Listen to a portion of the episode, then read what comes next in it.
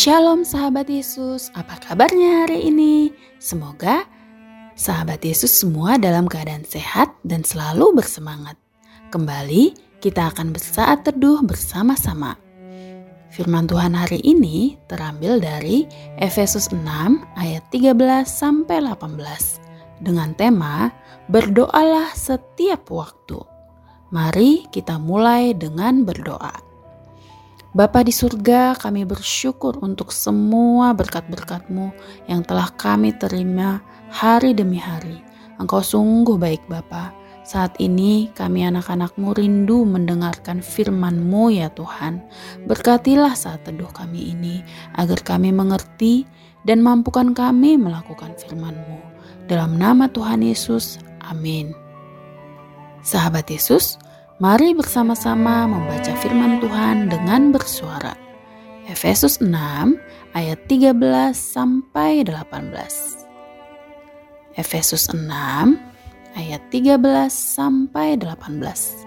Sebab itu, ambillah seluruh perlengkapan senjata Allah supaya kamu dapat mengadakan perlawanan pada hari yang jahat itu dan tetap berdiri sesudah kamu menyelesaikan segala sesuatu.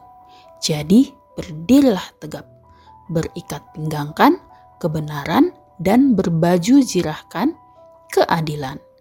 Kakimu berkasutkan kerelaan untuk memberitakan Injil damai sejahtera. Dalam segala keadaan, pergunakanlah perisai iman. Sebab dengan perisai itu, kamu akan dapat memadamkan semua panah api dari si jahat, dan terimalah ketopong keselamatan dan pedang roh, yaitu firman Allah dalam segala doa dan permohonan. Berdoalah setiap waktu di dalam roh dan berjagalah di dalam doamu itu dengan permohonan yang tak putus-putusnya untuk segala orang kudus. Demikian firman Tuhan. Sahabat Yesus, supaya lebih memahami firman Tuhan hari ini, yuk kita dengarkan cerita tentang seorang guru sekolah minggu bernama Kak Ine. Suatu hari, Kak Ine mengajarkan firman Tuhan menggantikan Kak Tina yang sudah dua hari sakit flu. Kemudian, adik-adik sekolah minggu bertanya, Kak, apakah kita harus berdoa juga buat Kak Tina yang sakit flu? Lalu Kak Ina menjawab, tentu adik-adik tidak peduli apa pun sakit seseorang, kita tetap harus bantu dalam doa. Apalagi Kak Tina adalah kakak sekolah minggu yang Tuhan pakai untuk mengajar adik-adik semua. Nanti kita doakan Kak Tina ya, sekaligus berdoa untuk kesehatan kita semua.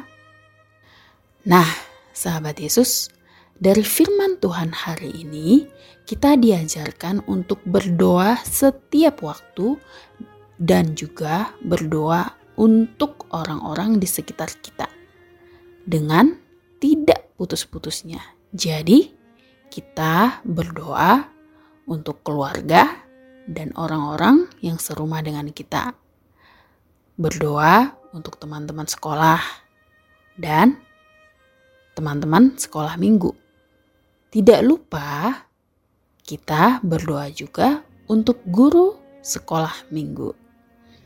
Yuk, sahabat Yesus, mari kita katakan bersama-sama dengan bersuara. Aku mau berdoa untuk guru-guru sekolah minggu kami. Sekali lagi kita katakan, aku mau berdoa untuk guru-guru sekolah minggu kami. Mari kita berdoa.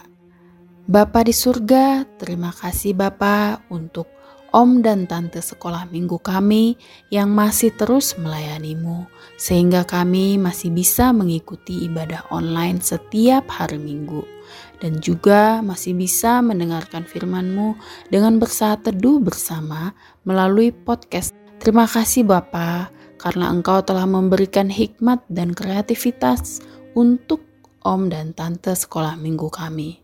Bapa, berikanlah kesehatan dan hikmat agar mereka terus bisa melayanimu. Buat om dan tante sekolah minggu yang sedang sakit, pulihkanlah mereka ya Bapa. Dalam nama Tuhan Yesus, amin. Sampai jumpa pada saat teduh berikutnya. God bless you.